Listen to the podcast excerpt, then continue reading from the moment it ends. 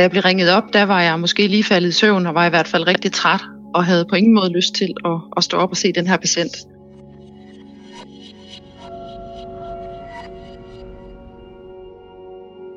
Selv 20 år efter, så kan jeg huske den her sag, fordi jeg kan ikke tilgive mig selv, at, øh, at jeg ikke gjorde mig umage.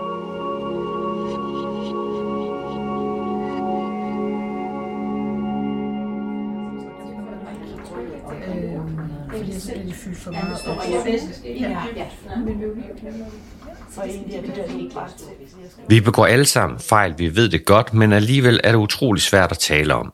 Ikke mindst på hospitalet. Christine Sølling, som vi hørte et kort klip med her, er afsnitsansvarlig overlæge, og hun kan ikke tilgive sig selv en fejl, som hun begik for 20 år siden, og hun har heller ikke talt med nogen om den siden. Vi vender tilbage til hendes historie lidt senere. Men hvorfor er det så svært at tale om fejl i sundhedsvæsenet? Det skal vi kigge nærmere på i dette afsnit af podcasten Det vi ikke taler om på riget.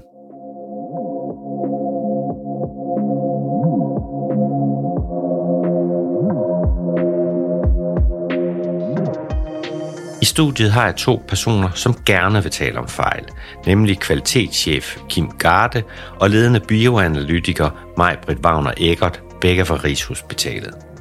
Kim Garde har tidligere været ledende overlæge på Neuroanestesiologisk Klinik, og han har også været risikomanager på Rigshospitalet.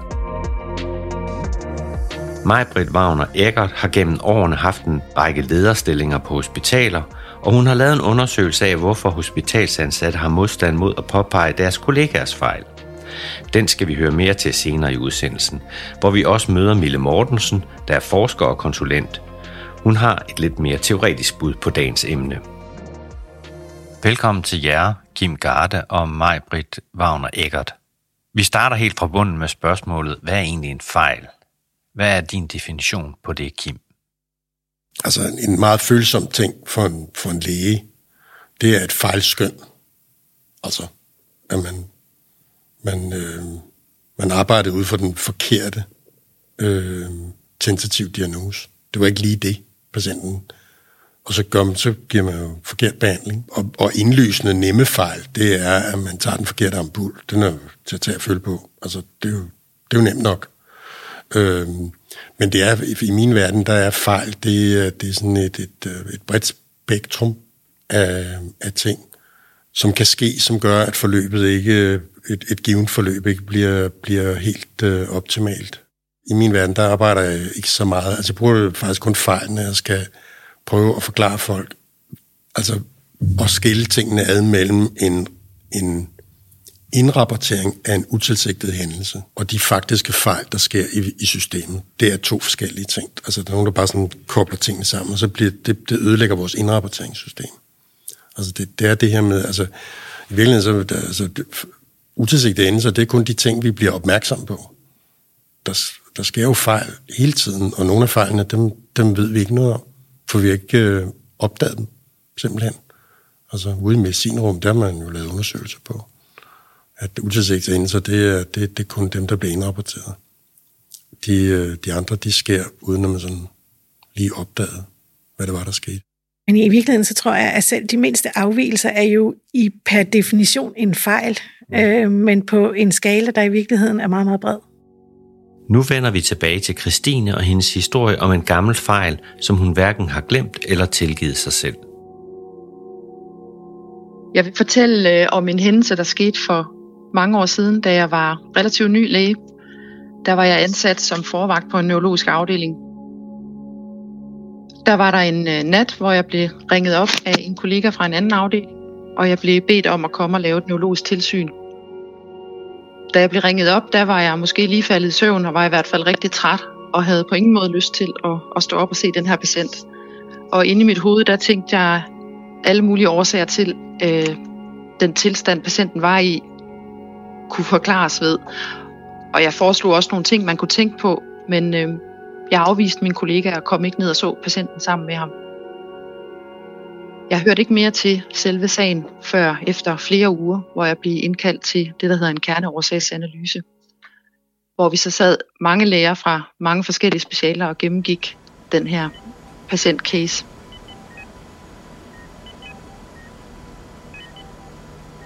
Det viste sig, at øh, patienten måske havde øh, slået sin ryg, og der var sket en skade på, på rygmagen.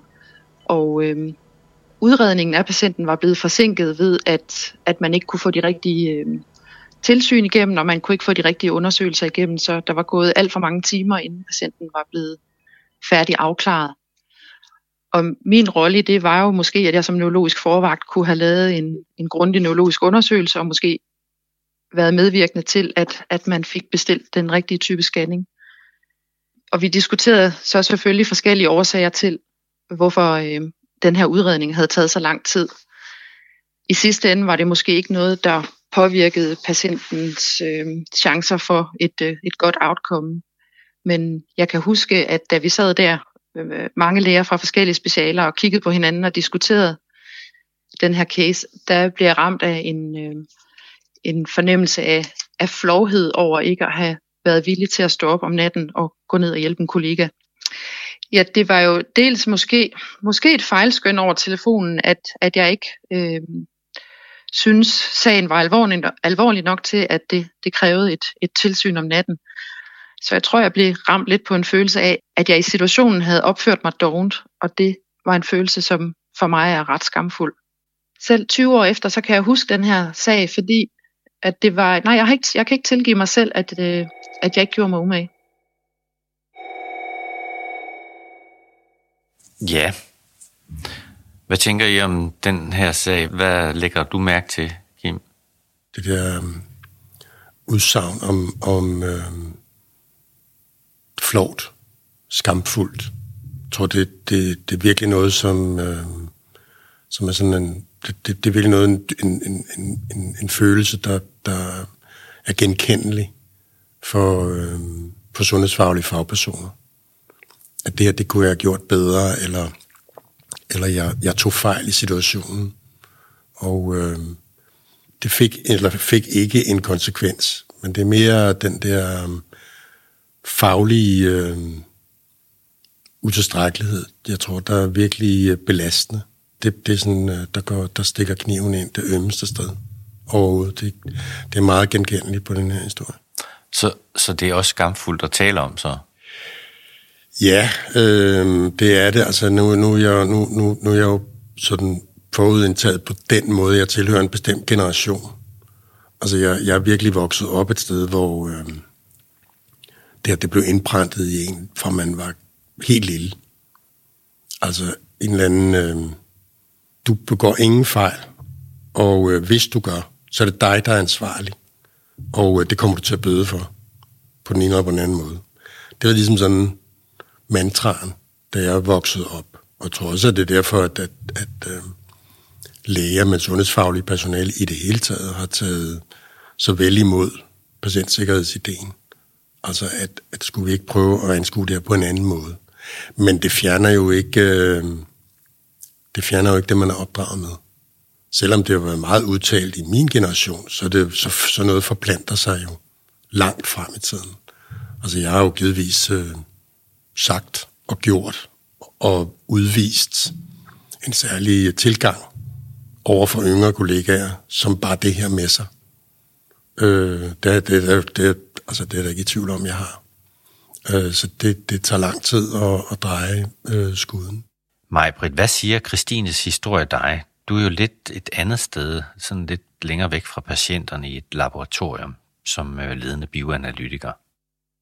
Jamen, øh, oh, den siger mig faktisk rigtig mange ting. Øh, når jeg hører fortællingen, så tænker jeg meget på, at selvom det nu, mange, mange, mange år efter, er noget, der bliver fortalt, så er jeg sikker på, at for fortælleren selv, så har der i alle de år også været en konsekvens i og med, at der er rigtig mange andre ting, vedkommende har stået meget hurtigt frem i skoene til, for på en eller anden måde at gøre op med den følelse og de resultater af den følelse, som gjorde, at vedkommende ikke var med den gang, at telefonen ringede, og man lige var faldet i søvn. Der kommer lige en ekspert ind på banen, og det er ikke øh, en ekspert inden for jeres område, men en psykolog. Det er en psykolog, som hedder Mille Mortensen, og hun siger noget om baggrunden for hele det her.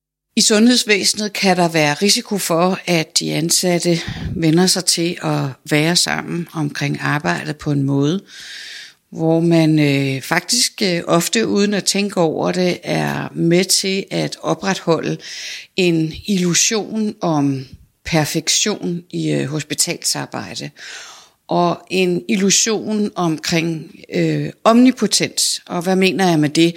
Jo, jeg mener det med det, at øh, læger og sygeplejersker og i øvrigt også andre faggrupper øh, kommer til at være sammen på måder, hvor at man direkte indirekte får vist og fortalt hinanden, at når man er ansat i sundhedsvæsenet, så skal man kunne det hele. Man skal vide alt, og man skal også gerne kunne forudsige det uforudsigelige. Det er ikke kun øh, ansatte i sundhedsvæsenet selv, der øh, er med til det her og understøtte den her illusion. Det er faktisk også ofte patienter og pårørende, fordi øh, når vi har brug for hjælp i sundhedsvæsenet, så ønsker vi os, at der sidder mennesker, som ved alt og kan alt, fordi det er vores sundhed, der er på spil, og, og jo også som pårørende til øh, patienter nære, der bliver ramt. Og så er der også en omverden af af systemer og politikere, som faktisk øh, også på forskellige måder, direkte og indirekte, kan være med til at opretholde den her illusion om øh, perfektion og omnipotens i, hos sundhedsvæsenet, som jo er en illusion, fordi det kan ikke lade sig gøre. Alle mennesker er fejlbarlige, alle mennesker har deres begrænsninger, uanset hvilken faglighed man har, øh, uanset hvem man er. Maj Britt, øh, giver det mening for dig, det Mille Mortensen siger her? Ja, hvem af os vil ikke ønske, når vi skal ind og behandles, at vi bliver behandlet af den, der ikke har arbejdet 18 timer, ikke lige er vågnet. Og det er jo virkelig præcis det, øh, Mille hun i tale sætter. Det med ufejlbarlighed, øh, tror jeg, er en lille smule mindre udbredt i laboratorieverdenen. Der er meget, man kan måle sig til. Der er meget, man kan se øh, ikke er optimalt. Og det at lave det om, så længe vi kan rette fejlen, bliver, nu siger jeg på en eller anden måde, gratis. Får jeg Mille Mortensen noget nyt til, hvad du har tænkt om emnet, Kim? Ja, for hun, øh, hun pinpointer jo øh, dilemmaet.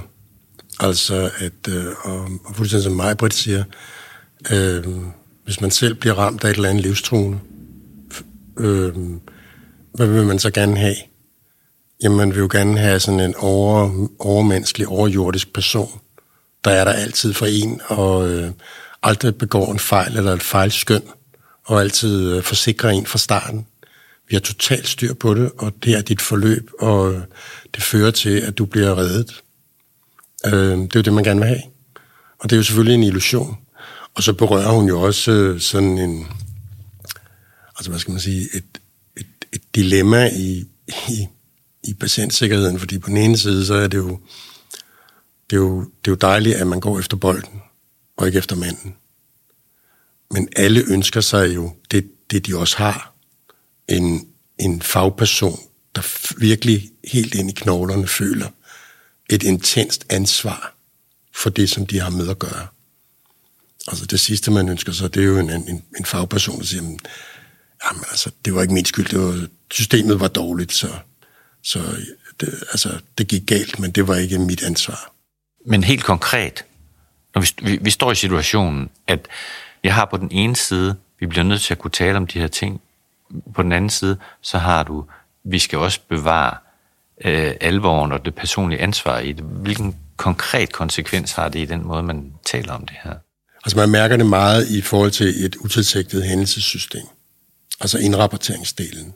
Altså vi har altid sagt, at øh, nu flere rapporter en given arbejdsplads øh, indleveret, desto bedre var sikkerhedskulturen på stedet. Altså, man ser det jo i dag, at der er nogle, nogle mennesker, der ikke forstår problemet, og så, så tager det et flyselskab med mange indrapporteringer og siger, at det her det er et usikkert sted at være. For se på alle de fejl, de har. Og i virkeligheden er det omvendt. Det sted, der indrapporterer, de har en, øh, en tryg kultur og et bredt syn på risici, så de indrapporterer mange ting for hele tiden at være opmærksomme.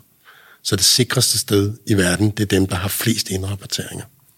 Men man kan jo mærke, at, at en mindste lille, sådan en lille skub i den forkerte retning, at, øh, at øh, man indrapporterer, men, men der er sådan en antydning af, at øh, der sker nu også mange fejl lige der, eller den person har nu også mange hændelser, eller et eller andet i den stil, så lukker det ned. Og, og så ser man det jo endnu tydeligere, hvis, hvis nogen kobler et sanktionerende ledelsessystem op på rapporteringssystemet. Altså, så, så får man heller ikke ret mange rapporter. Kan du prøve lige at sige, hvad det betyder, at man kobler de to ting? Det er meget vigtigt for et rapporteringssystem, at det er, øh, at det er trygt og sanktionsfrit. Altså, det må ikke være koblet ind til den almindelige øh, øh, håndtering af, af for eksempel klagesager og sager, der, der har med øh, en eller anden strafferetslig konsekvens at gøre, fordi så kan man jo ikke forvente, at folk øh, fortæller, hvad der foregår. Skal vi lige meget kort omkring Svendborg-sagen? Det affødte jo præcis den reaktion, som jeg tror rigtig mange læger følte. Could have been me. Altså, at når man laver et system, som er højrisikabelt, så, øh, så vil der jo, så vil antallet af fejl jo forøges. Øh, og nogle fejl kan måske næsten nærmest uundgåelige. Og så er det kun et spørgsmål om, om som sige, hvem der bliver meldt. Altså det er netop det her systemperspektiv kontra pers- altså det personlige øh, øh, islet i en sag. Der er stadigvæk stort fokus på den, den lægens ansvar i situationen. Øh, og, og der er ikke altid den samme vilje til at se på, altså det system, lægen var sat til at arbejde i, understøttede det sikkerheden, eller gjorde det det modsatte? Altså, jeg synes jo hele det øh, sæt op omkring, at øh, vi tager nogle særlige kitler på, når vi går på arbejdet, og øh, hvis man sidder nede i hospitalets øh, patientkafeteria og ser de hvide kitler gå forbi, og ikke selv er en del af det, så illustrerer det, at det er nogle særlige mennesker, og man har øh, bare det, det er hvidt, det er rent, det, det bakker op. Jeg ved godt, der begynder at komme blå farver ind også. Men, men hele det der, den der måde at klæde sig i hvidt på, at, at det, det står, fremstår noget med renhed, det fremstår noget meget øh, ædelt, øh, og det understøtter jo hele forventningen om, at det er måske et ufejlbarligt system, eller i hvert fald et, et system med utrolig høj kvalitet. Øh, så den ene del af det er jo at have en organisation, hvor man tør at sige fra, men den anden del af det er jo også at have en organisation, hvor man tør både at sige, men i virkeligheden lige så vigtigt, tage imod nogen, der siger til en, jeg er bekymret for patientsikkerheden lige nu. Skal vi ikke lige lave en kort time-out, og så lige tjekke, at vi har gjort det rigtigt? Og det der med at sige desværre til en kollega, det er der mange, der har rigtig svært ved. Og det er faktisk det, øh, den undersøgelse, jeg lavede tilbage i 17, viser og illustrerer nogle af de barriere, folk selv i tale sætter, som de rent faktisk godt ved er grunden til, at man ikke lige får stoppet fejl, måske endda når man ser andre begå dem. Og det kunne jo give anledning til, burde vi træne det? Burde vi, altså man, man, der er jo sådan et gammelt så practice makes perfect. Burde vi i virkeligheden træne os selv i at sige de svære ting? Hvad var det egentlig, din undersøgelse sagde? At man synes, det var særlig svært øh, at sige fra til folk, der havde mere autoritet i forhold til ens eget perspektiv, eller flere stjerner på skuldrene end en selv, det kunne typisk være et leder-medarbejder-perspektiv, eller omvendt medarbejder-leder-perspektiv. Der er også nogen, der nævner, at det kan være en misforstået hensynstagen til det enkelte individ, i stedet for at se det ud fra patientens perspektiv. En generel angst for at korrigere andre faggrupper end dem, der er helt magen til mig selv. Og det blev ofte i talesat, at det var særlig svært for ikke-læger at rette på læger. Hvad betyder det konkurrenceprægede miljø for, for det her emne? Altså, der, det er i forvejen svært at, at indrømme fejl. Det er i forvejen svært at tale om fejl. Det er i forvejen svært at dele fejl. Øh, der vil sådan en uh, skarp konkurrence mellem kollegaer. Det vil ikke gøre det nemmere. Så det her med, med ligesom at, at, at, at tage et emne op, øh, som man har en personlig aktie i, og, og drøfte det, det er, det, er, det er svært. Og det gør udfordringen for en, øh, for en ledelse et givet sted med at etablere et, et trygt miljø, hvor de her issues, de, øh, de er op og vende regelmæssigt. Det, det gør det meget, meget svært.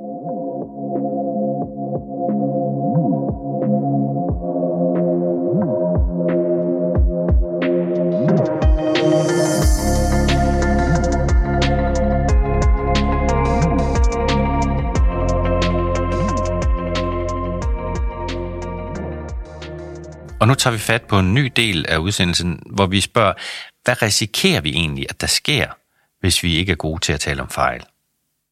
I bund og grund, så tror jeg, at det er nødvendigt at talsætte fejl for hele tiden kontinuerligt og bruge ressourcerne bedst og yde den bedste kvalitet. Og hvis vi kan få skabt den organisation, hvor rammerne til, at man tør at gøre det, og man både tør at sige det, men man også tør pænt og udviklingsmæssigt tage imod det, er til stede, jamen så får vi vendt skuden, så vi får udvikling frem for fejlfinding. Hvad er det centrale problem i, at når vi ikke får talt om fejlene? Det centrale problem med, med at have en virksomhedskultur, hvor det er vanskeligt at tale om fejl, det er, at øh, risici og fejl forbliver ukendte. For altså, man kommer ikke til at gøre noget ved det, og man kommer til at gentage øh, fejl, som var undgåelige.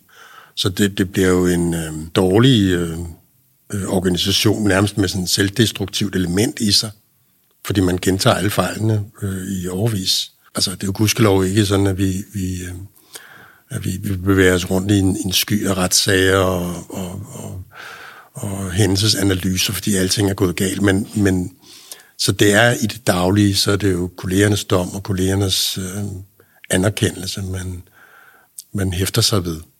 Så det er, der er også noget, et arbejdsmiljøaspekt i det, ikke? Det er der helt klart, øh, og det altså, nu har jeg jo omgået øh, ambulancebehandlere i mange år, og, øh, og en fast mantra hos dem, altså det er jo sådan, det har været sådan voldsomt øh, testosteron koncentreret område, øh, med alt, hvad dertil hører, sådan, af, af, hvordan mænd er og arbejder sammen. Ikke? Øh, en fast mantra hos dem, det har været at fortælle røverhistorier. Altså, man sidder i kaffestuen ved vagtoverlevering, eller når der ikke sker noget, og så bliver der fortalt øh, alle mulige historier om ture, man har haft, og situationer, man har været i. Og, øh, og så når jeg har tænkt over det senere, altså nu her, sådan været i det i mange år, tænker at det der, det er deres, det er deres øh, ventil. Det er der, hvor de deler øh, ting, de har oplevet øh, med hinanden. Det er at, at dele øh, erfaringer, bekymringer, hændelser, øh, øh, ting, der ikke gik helt som det skulle, sådan noget øh, med hinanden. Og så bruger man simpelthen hinanden til det. Hvad kan vi gøre for, at det bliver lettere at tale om de her fejl? Som Majbrit sagde for lidt siden, altså øvelse gør mester.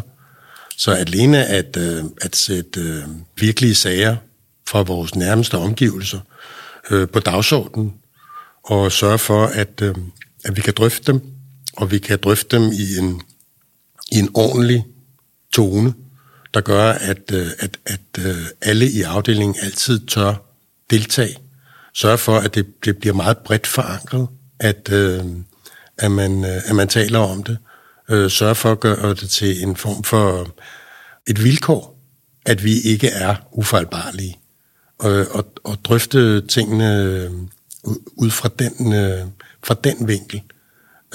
altså ligesom gøre op med illusionen og forholde sig til realiteten, og vi er mennesker, og vi begår fejl, og vi skal alle sammen hjælpe hinanden med at gøre det så, så sikkert, vi overhovedet kan, velvidende, at, øh, at gøre det 100% sikkert, det er også en illusion. Og i virkeligheden, så øh, er der så mange aktuelle fora i alle afdelinger, hvor man kunne gøre det til en vane og have et fast punkt på, hvor man talte om fejl. Og jeg, jeg kan simpelthen ikke sådan helt afslutningsvis lade være med at tænke på, at øh, i mange amerikanske virksomheder, og formentlig også i nogle danske, der har man noget, der hedder månedens medarbejder. Hvad med, at vi havde månedens fejl? Den fejl, der virkelig gjorde, at vi ændrede noget, lærte noget, organiserede os på en anden måde, og så hyldede vi simpelthen månedens fejl. Det var en meget sjov tanke.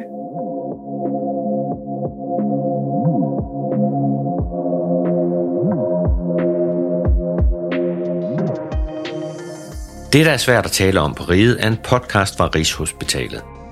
Denne episode er udviklet i samarbejde med Morten W. Andersen fra Rigshospitalets forbedringsafdeling og Mille Mortensen, der er konsulent og forsker tilknyttet Københavns Universitet. Søren Prehn har stået for lyddesign, og mit navn er Søren Svit. tak til kvalitetschef Kim Garde, ledende bioanalytiker Maj Britt Wagner Eggert fra patologiafdelingen, og ikke mindst overlæge Christine Sølling. Rigshospitalet har udarbejdet et materiale om psykologisk tryghed, der handler om at skabe en kultur, hvor det er trygt at tale om det, der er svært. Du kan hente det på intranettet, hvis du er ansat på hospitalet. Du finder det under personale, arbejdsmiljø og trivsel. Hvis du ikke er ansat på hospitalet, kan du finde materialet på Rigshospitalets hjemmeside. Søg på arbejdsmiljø og ledelsesudvikling.